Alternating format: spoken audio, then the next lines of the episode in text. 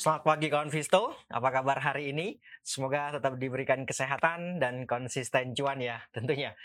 Baik, kita jumpa lagi di pagi ini di Trading Ideas dan seperti biasa sebelum kita membahas tentang ide-ide trading, ada baiknya kita review dulu pergerakan ISG di perdagangan akhir pekan kemarin. Ya, di perdagangan akhir pekan kemarin indeksnya mampu ditutup menguat berada di level 7040 atau penguatannya sebanyak 4 poin, tipis banget. Kalau secara persentase penguatannya sebanyak 0,07 persen, nggak sampai 0,1 bahkan, gitu ya. Nah, kalau melihat dari pergerakannya, memang sebagaimana yang disampaikan di uh, akhir pekan kemarin, di awal perdagangan tampaknya indeks mengalami panic selling, sehingga mengalami tekanan jual tapi itu tidak bertahan lama ya kurang lebih hanya setengah jam pertama gitu ya. Kemudian muncul dorongan beli yang pada akhirnya membawa indeks uh, bergerak menguat walaupun sebenarnya di sesi pertama ini indeksnya belum mampu sih berada di, di teritori uh, positif gitu ya. Tetapi setidaknya mencoba untuk menghambat laju pelemahan indeks lebih lanjut. Tapi yang jelas di perdagangan sesi pertama ini meskipun indeksnya tampaknya mengalami dorongan beli di apa setelah sesi setelah uh, setengah jam pertama sampai dengan akhir sesi gitu ya. Tetapi karena memang opennya tampaknya lebih uh, lebih tinggi ya sebelumnya. Jadi di sesi pertama ini kalau ditarik garis bisa dibilang ya triangle gitu ya symmetrical triangle. Tetapi ya kecenderungannya bisa dibilang cenderung melemah lah gitu ya. Di sesi pertama seperti itu. Walaupun sebenarnya men, yang sekali lagi yang mendominasi itu dorongan beli sebenarnya tetapi karena opening price-nya itu lebih tinggi dibandingkan dengan closing price jadi kalau ditarik garis uh, bisa dibilang ya uh, cenderung melemah jadinya gitu ya. kemudian berbeda dengan sesi pertama di sesi kedua tentu saja yang melanjutkan dorongan beli yang terjadi di sesi-sesi pertama sampai akhirnya mampu bergerak di teritori uh, positif meskipun sempat juga kembali apa namanya menyentuh atau bergerak di teritori negatif tetapi pada akhirnya di closing price itu indeksnya ditutup uh, berada di teritori positif sehingga di perdagangan sesi kedua ini bisa dibilang ya kecenderungannya adalah cenderung menguat gitu. Nah, secara keseluruhan karena indeksnya sempat atau bergerak di teritori uh, positif, maka di perdagangan kemarin meskipun hanya tipis banget yaitu hanya plus 4 poin atau 0,07 persen, tapi secara keseluruhan indeksnya bergerak cenderung menguat. Gitu ya. Setidaknya itu yang lebih mendominasi. Itu. Oke, bagaimana hari ini nanti kita lihat bareng-bareng. Nah, eh, dari penguatan yang terjadi di indeks tersebut, saham-saham apa saja sih yang pada akhirnya membawa indeks bergerak berada di teritori uh, positif? Lima besar saham yang membawa indeks bergerak menguat di peran kemarin. Yang pertama ada Bank BCA, kemudian ada Bank Mandiri atau BMRI, lalu ada Telkom, kemudian berikutnya ada Bian, dan terakhir ada MDKA. Itu dia lima besar saham yang membawa indeks bergerak menguat.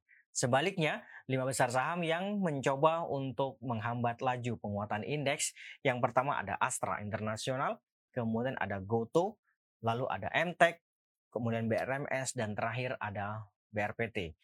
Itu dia lima besar saham yang mencoba untuk menghambat laju penguatan indeks. Bagaimana dengan transaksi asing atau net buy asing, net sell asing gitu ya. Nah, di perdagangan kemarin asing sendiri mencatatkan net buy sebanyak 237 bio itu secara keseluruhan gitu ya. Akhirnya uh, setelah sekian lama, hampir sepekan ya, asingnya selalu mencatatkan net sell di perdagangan akhir pekan kemarin tampaknya mengalami net buy ya meskipun masih sedikit sih. Secara keseluruhan di 237, namun kalau kita rinci di perdagangan reguler sendiri, aslinya mencatatkan net buy sebanyak 230 bio. Ya lumayan lah ya. 230 bio, kemudian di perdagangan non reguler sendiri aslinya mencatatkan uh, net buy juga 6 bio, lumayan lah. Nah itu dia net buy asing. Nah dari net buy asing ini dari net buy asing ini saham-saham apa saja sih yang uh, banyak dibeli oleh asing di perdagangan kemarin? Ya. Lima besar saham yang banyak dibeli oleh asing di perdagangan kemarin. Yang pertama ada Bank BCA, kemudian ada Bank Mandiri, lalu ada Adaro Energi, kemudian ada Pegas, dan yang terakhir ada Bank BNI. Itu dia lima besar saham yang banyak dibeli oleh asing. Walaupun sebenarnya ada Inco juga sih. Ada Inco, kemudian ada Medco, ada Antam gitu ya. Tapi itu masuknya ke 10 besar. Sebaliknya, lima besar saham yang banyak dijual oleh asing di perdana akhir pekan kemarin. Yang pertama ada Astra Internasional, kemudian ada Bank BRI, lalu ada Goto, kemudian ada Telkom, dan terakhir ada Bumi. Bumi tampaknya mengalami tekanan jual dari asing di perdana akhir pekan kemarin.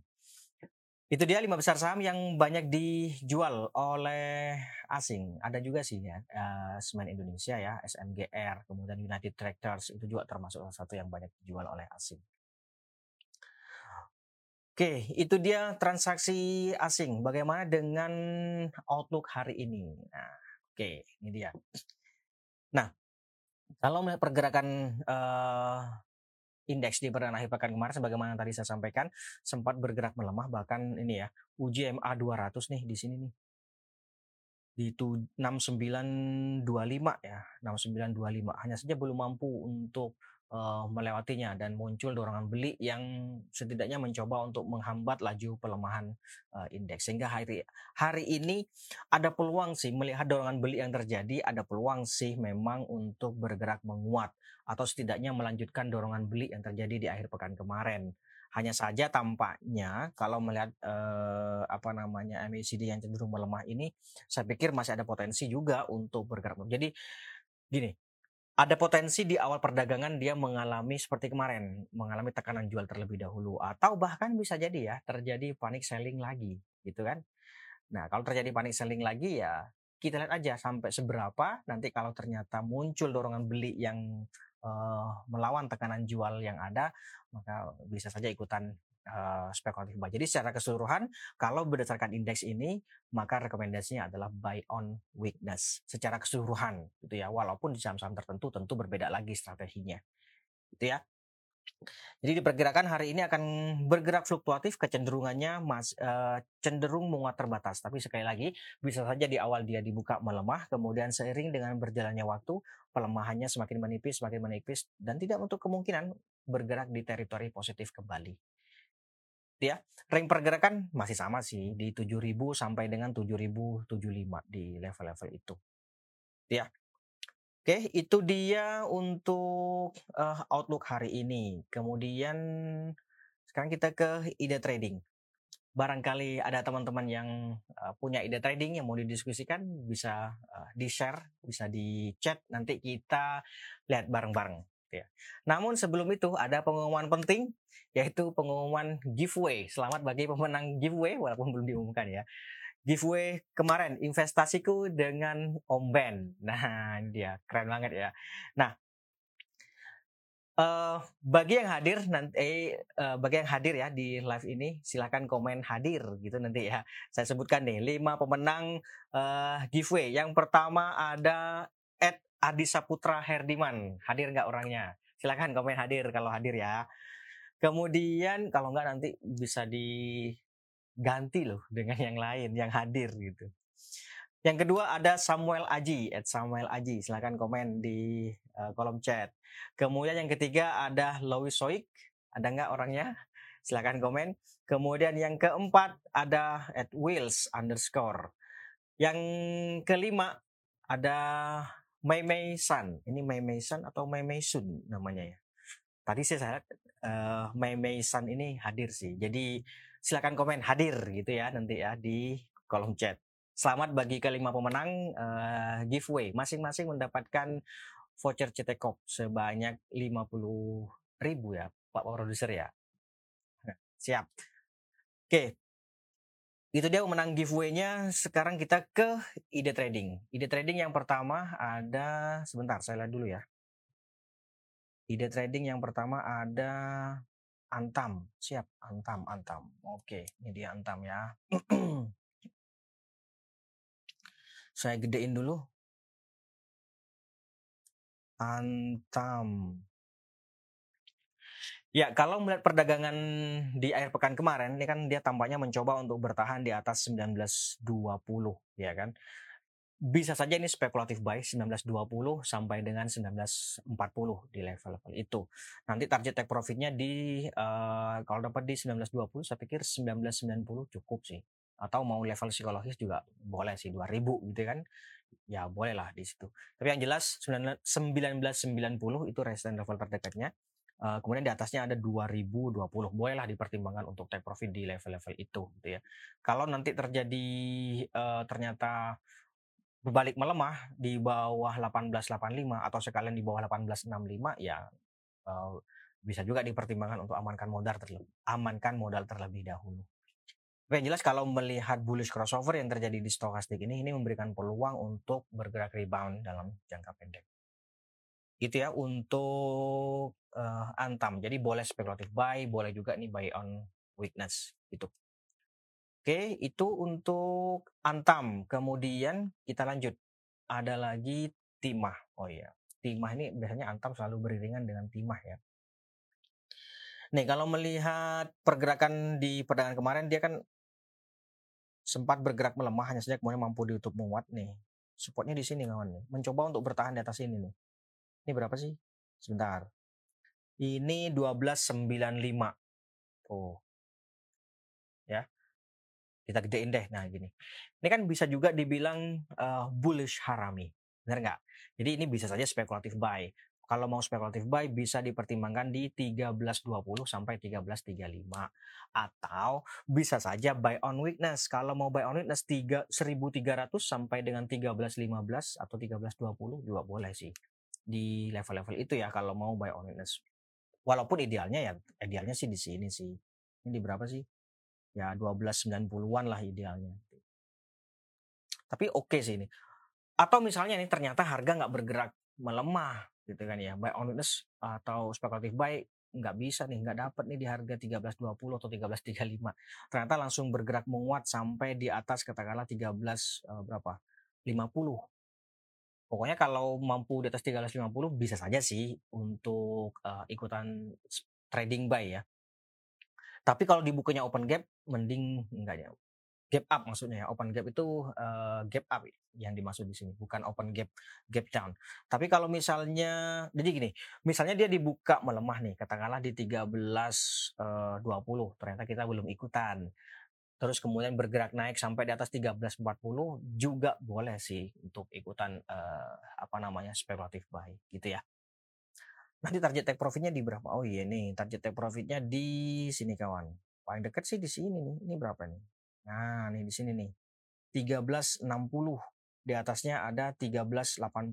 Boleh dipertimbangkan untuk uh, take profit di level-level itu.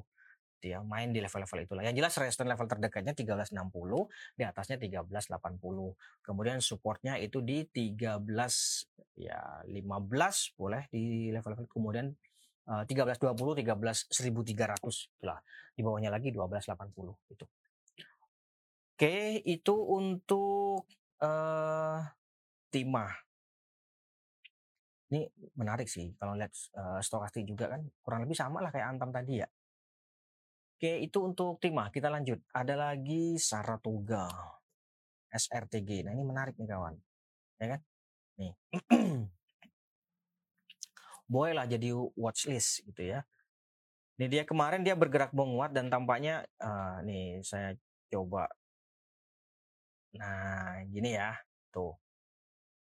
Menarik kan?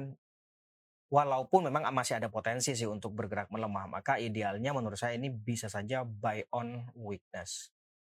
Buy on weakness bisa dipertimbangkan di 25 60 sampai 2600 di level-level itu. Itu kalau mau ideal ya. Tetapi misalnya nih, hari ini dia bergerak menguat sampai di atas 2700, saya pikir boleh saja sih untuk trading buy gitu ya. Nanti target take profitnya di berapa? Kalau dapat harga 2700, 2710, 2720 gitu misalnya, 2810 saya pikir bisa sih dipertimbangkan untuk uh, take profit. 2810 kemudian uh, di atasnya ada berapa lagi nih? 2860 2810 2860 boleh main atau take profit di level-level itu ada indikasi bullish crossover di stokastik itu ya Oke, itu untuk Saratoga. Walaupun secara ide, kalau ideal sekali lagi idealnya ini adalah buy on weakness. Itu idealnya. Kita lanjut setelah Saratoga ada SCMA. Nah, ini SCMA ini juga masih menarik nih. Pertama, dia mengalami konsolidasi kan selama kurang lebih tiga hari terakhir inilah mencoba untuk bertahan di atas level psikologis 200 bahkan. Jadi buy on witness sih masih oke. Okay. 200 sampai 204 saya pikir masih boleh di level-level itu kalau mau buy on, kalaupun mau buy on witness. Spekulatif buy boleh nggak? Spekulatif buy 204 sampai 206 ya boleh sih. Tapi mending mending ini deh. Kalau melihat dari uh, apa namanya potensi indeks ya kan mending buy on witness sih Walaupun ini kan stokasnya kan bullish crossover nih. Kalau melihat ini kan sebenarnya bisa saja spekulatif buy. Jadi gini deh, kalau misalnya harga mampu bergerak menguat sampai di atas 210, bolehlah uh, ikutan trading buy jadinya gitu ya. Target take profitnya di sini nih kawan, 216 cukup nggak? setidaknya di atas 208, setidaknya misalnya nih hari ini dibuka sama nih 206 atau bahkan dibuka melemah 204 terus kita belum beli gitu ya naik di atas 208 boleh saja ikutan uh, trading buy atau spekulatif buy. Nanti ya jualnya nggak usah jauh-jauh, 216 dulu di sini nih. Gitu ya. Oke, itu untuk SCMA kawan. Kemudian kita lanjut. Ada lagi energi. Energi. Nah, ini dia energi.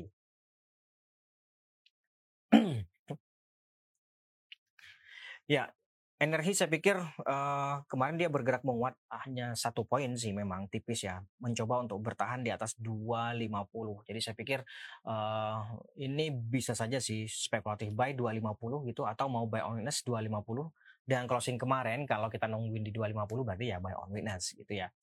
Tapi maksud saya 250 sampai 256 itu boleh sih untuk spekulatif buy di level-level itu. Nanti target take profitnya di 270 gitu ya. Nih di level-level sini nih kawan. Atau setidaknya uh, misalnya nih harga ternyata nggak bergerak melemah, ternyata dia menguat sampai di atas 262, bisa saja sih ikutan untuk trading buy gitu ya. Nanti target take profitnya di berapa ya 270 nih resistance levelnya di sini nih 270 walaupun ya cukup ideal untuk take profit di sini 282 ya. Tuh, tapi setidaknya gini deh, resistance level terdekat di 262. Kemudian di atasnya ada 270, lalu ada 282. Itu ya. Bolehlah main di level-level itu. Itu nanti. Oke, itu untuk energi. Kemudian berikutnya Oktober bulannya panen ya. Iya. Biasanya sih jadi uh, sejak Mei, Juni, Juli, Agustus itu kan trennya turun gitu ya. September sudah mulai apa ada ada perlawanan, akumulasi dikit-dikit gitu ya. Oktober sudah mulai November, Desember biasanya nanti naik kayak gitu ya. Jadi Oktober, September, Oktober ini biasanya terjadi akumulasi. Dan nanti uh, yang menguatlah dikit-dikit gitu ya. Nanti November udah mulai bergerak, Desember biasanya sih naik. Gitu. Kalau mau nunggu sampai Desember boleh tapi kalau mau memanfaatkan harga, ya itu tadi memanfaatkan fluktuasi harga. Saya gitu. Oke, itu untuk uh, apa tadi? Energi ya. Oke, energi. Sekarang kita lanjut dulu. Ada SNLK. SNLK. Ya, ini dia SNLK. Kemarin dia mampu ditutup menguat dan cukup menarik kalau misalnya hari ini dia bergerak menguat lagi maka ada peluang untuk mengalami bullish continuation. Atau dengan kata lain candlenya kalau misalnya nih hari ini dia bergerak menguat ya uh, namanya three rising method which is itu adalah continuation gitu. Jadi berarti uh, bagi yang baru mau masuk gimana? Bagi yang baru mau masuk menurut saya sih mending buy on breakouts di atas 1040 Tuh, di atas 10 40 di atas ini kawan. Nanti target take profitnya nggak usah jauh-jauh. 10 uh, eh, berapa? Di sini 1100 ya. 1100 ya. 1100 sampai 1115. Kalau itulah uh, bisa dipertimbangkan take profit. Main pendek aja dulu gitu. Tapi yang jelas kalau secara tren sih ya dua bulan terakhir ini trennya menguat. Jadi kalaupun misalnya saya punya nih uh, uh, mau jual atau atau ditahan? Menurut saya sih ya boleh saya. Kalau mau ditahan ini boleh lah. yang penting tetapkan aja nanti uh, trailing stopnya di mana. Jangan sampai kita sudah profit, kemudian kita tahan, hold, hold, hold, ternyata nanti malah minus, kemudian di cut loss. itu yang nggak benar gitu ya. Itu yang bukan nggak benar, itu yang salah gitu.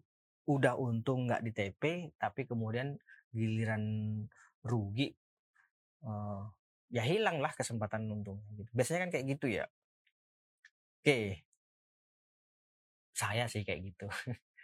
Oke, SNLK. Kemudian berikutnya ada lagi Bumi.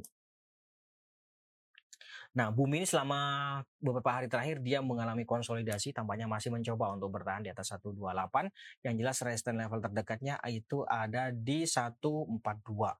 Jadi barangkali kemarin sudah ada yang ikutan, entah itu dapat harga di 135 misalnya, atau 133 bahkan, atau bahkan dapat di harga terendah 127, itu misalnya ya bisa saya dipertimbangkan terlebih dahulu untuk uh, take profit di 142. Bagi yang baru mau masuk, menurut saya karena resistennya kan di 142 nih, sepanjang itu masih dinilai layak dan logis ya boleh saja sih trading buy. Tapi kalau bicara ideal maka mending buy on breakout di atas 142 gitu kan. Gitu ya. Oke, itu untuk uh, bumi. Kemudian kita lanjut kalau ditanya kalau ditarik retracement kan seperti ini nih, kayak gini ya. Ini kan sudah 61.8. Jadi wajar sih kalau pun ketahan di sini. Tapi sekali lagi, kalau bicara ideal tentu adalah buy on breakout. Mending beli kita uh, breakout aja gitu. Saya khawatirnya uh, konsolidasi konsolidasi ternyata malah breakdown. Ya udah bearish continuation nantinya. Gitu ya. Oke, gitu kawan. Kemudian kita lanjut setelah bumi ada lagi Selis. Selis. Wah, ini luar biasa sih Selis nih. Ya nggak sih?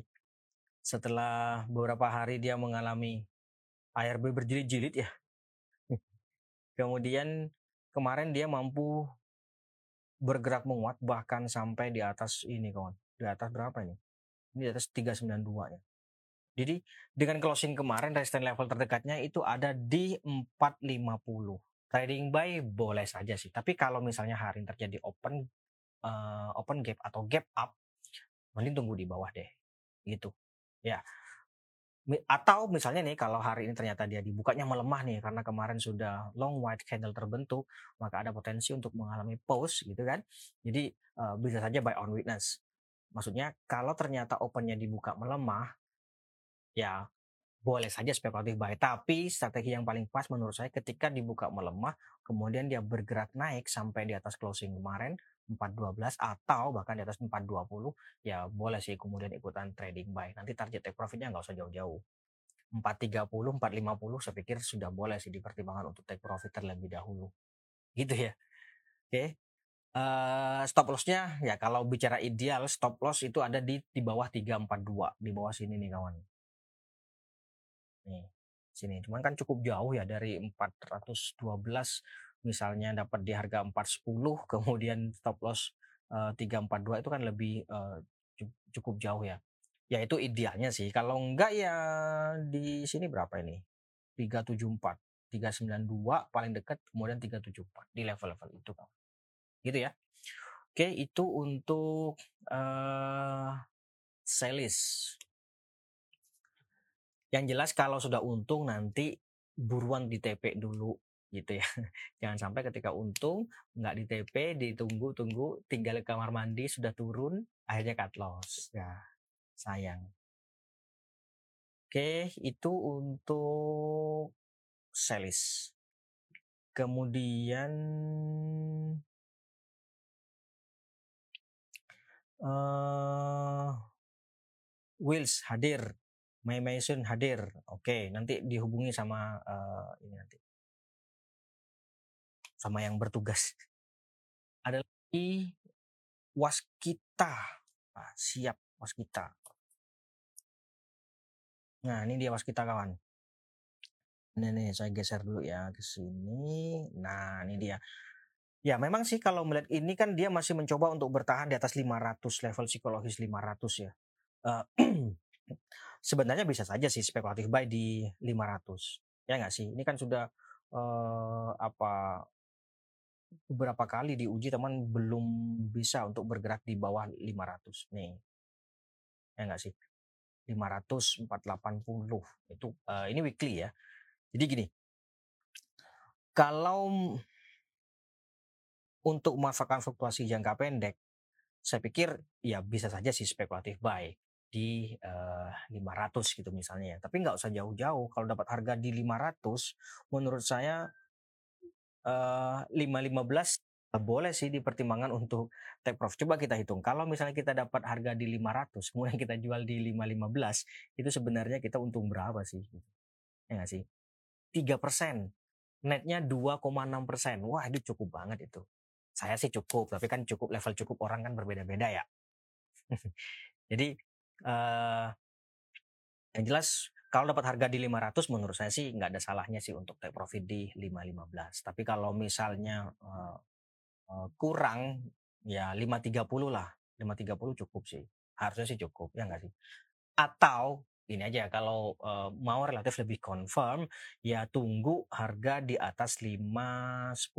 Misalnya hari ini dia katakanlah dibuka di 500 atau bahkan dibuka di 505. Kemudian dia bergerak menguat sampai di atas 510 dengan dukungan volume yang uh, cukup atau yang tinggi, yang banyak itu boleh juga ikutan untuk uh, trading buy. Nanti target take profitnya ya 530 boleh lah level situ. Itu ya. Oke, itu untuk waskita. Main pendek aja dulu. Kemudian berikutnya ada lagi Astra. Oh, siap. Astra. Nah, ini dia Astra. Sudah beberapa hari terakhir ini dia mengalami koreksi. Ya enggak? Nah, sekarang dia mencoba untuk bertahan di atas ini nih, 6.600. Kalau hari ini dia mampu bertahan di atas 6.600, saya pikir bisa spekulatif buy. Tetapi begini, melihat uh, tampaknya potensi pelemahan terhadap indeks, coba aja kita lihat dulu. Artinya begini, kalau kalau bicara ideal ya, ideal tentunya buy on witness sampai ke MA 200 di sini kawan, 6000 6400-an ini. Gitu. Tetapi gini, ini kan support terdekat uh, sub, uh, uji support nih 6600. Misalnya nih hari ini katakanlah dia bergerak di bawah katakanlah di bawah support nih. Katakanlah misalnya di berapa? 6 uh, 500 atau 6550 gitu. Uh, berapalah terserah gitu ya pokoknya di bawah 6.600 gitu udah kita tunggu aja dulu sambil ber uh, apa namanya ya tunggu sampai di sinilah paling enggak gitu ya 6400 gitu kan tetapi ternyata nggak nyampe nih nggak nyampe 6400 katakanlah jangankan 6400 6500 aja nggak nyampe tapi di bawah di bawah 6600 gimana dong gitu. Ya kalau seperti itu nanti tunggu aja baliknya di atas 6600 gitu. Misalnya nih katakanlah di 6 uh, ini 6600 kan kemudian dibukanya katakanlah di 6550 ya stay aja di situ. Kemudian dia bergerak menguat sampai di atas 6600 nah, kemudian boleh untuk spekulatif buy di level-level itu. Atau yang kedua adalah buy on breakout. Ini jauh lebih safe gitu ya. Artinya kita nunggu konfirmasi terlebih dahulu atau setidaknya muncul dorongan beli yang mencoba untuk menghambat laju pelemahan yang terjadi selama lebih dari sepekan terakhir. Buy on breakouts-nya di atas 6700, sekalian aja buy on breakout di atas itu, itu ya. Nah, ini target take profitnya di berapa? Ya udah tunggu di sini nih, 7050. Tapi kalau bicara resisten level terdekat, ya itu tadi 6700 yang terdekat, kemudian di atasnya ada 6850, lalu ya 7000, kemudian 7050, 7000, 7050. Itulah Oke, ya di level-level itu. Oke, saya pikir pikir itu dulu kawan Visto untuk hari ini. Terima kasih atas kehadiran dan partisipasinya. Kita jumpa lagi besok. Mohon maaf jika ada salah kata. Tetap jaga kesehatan. Sekali lagi terima kasih. Selamat pagi. Salam investasiku for better tomorrow.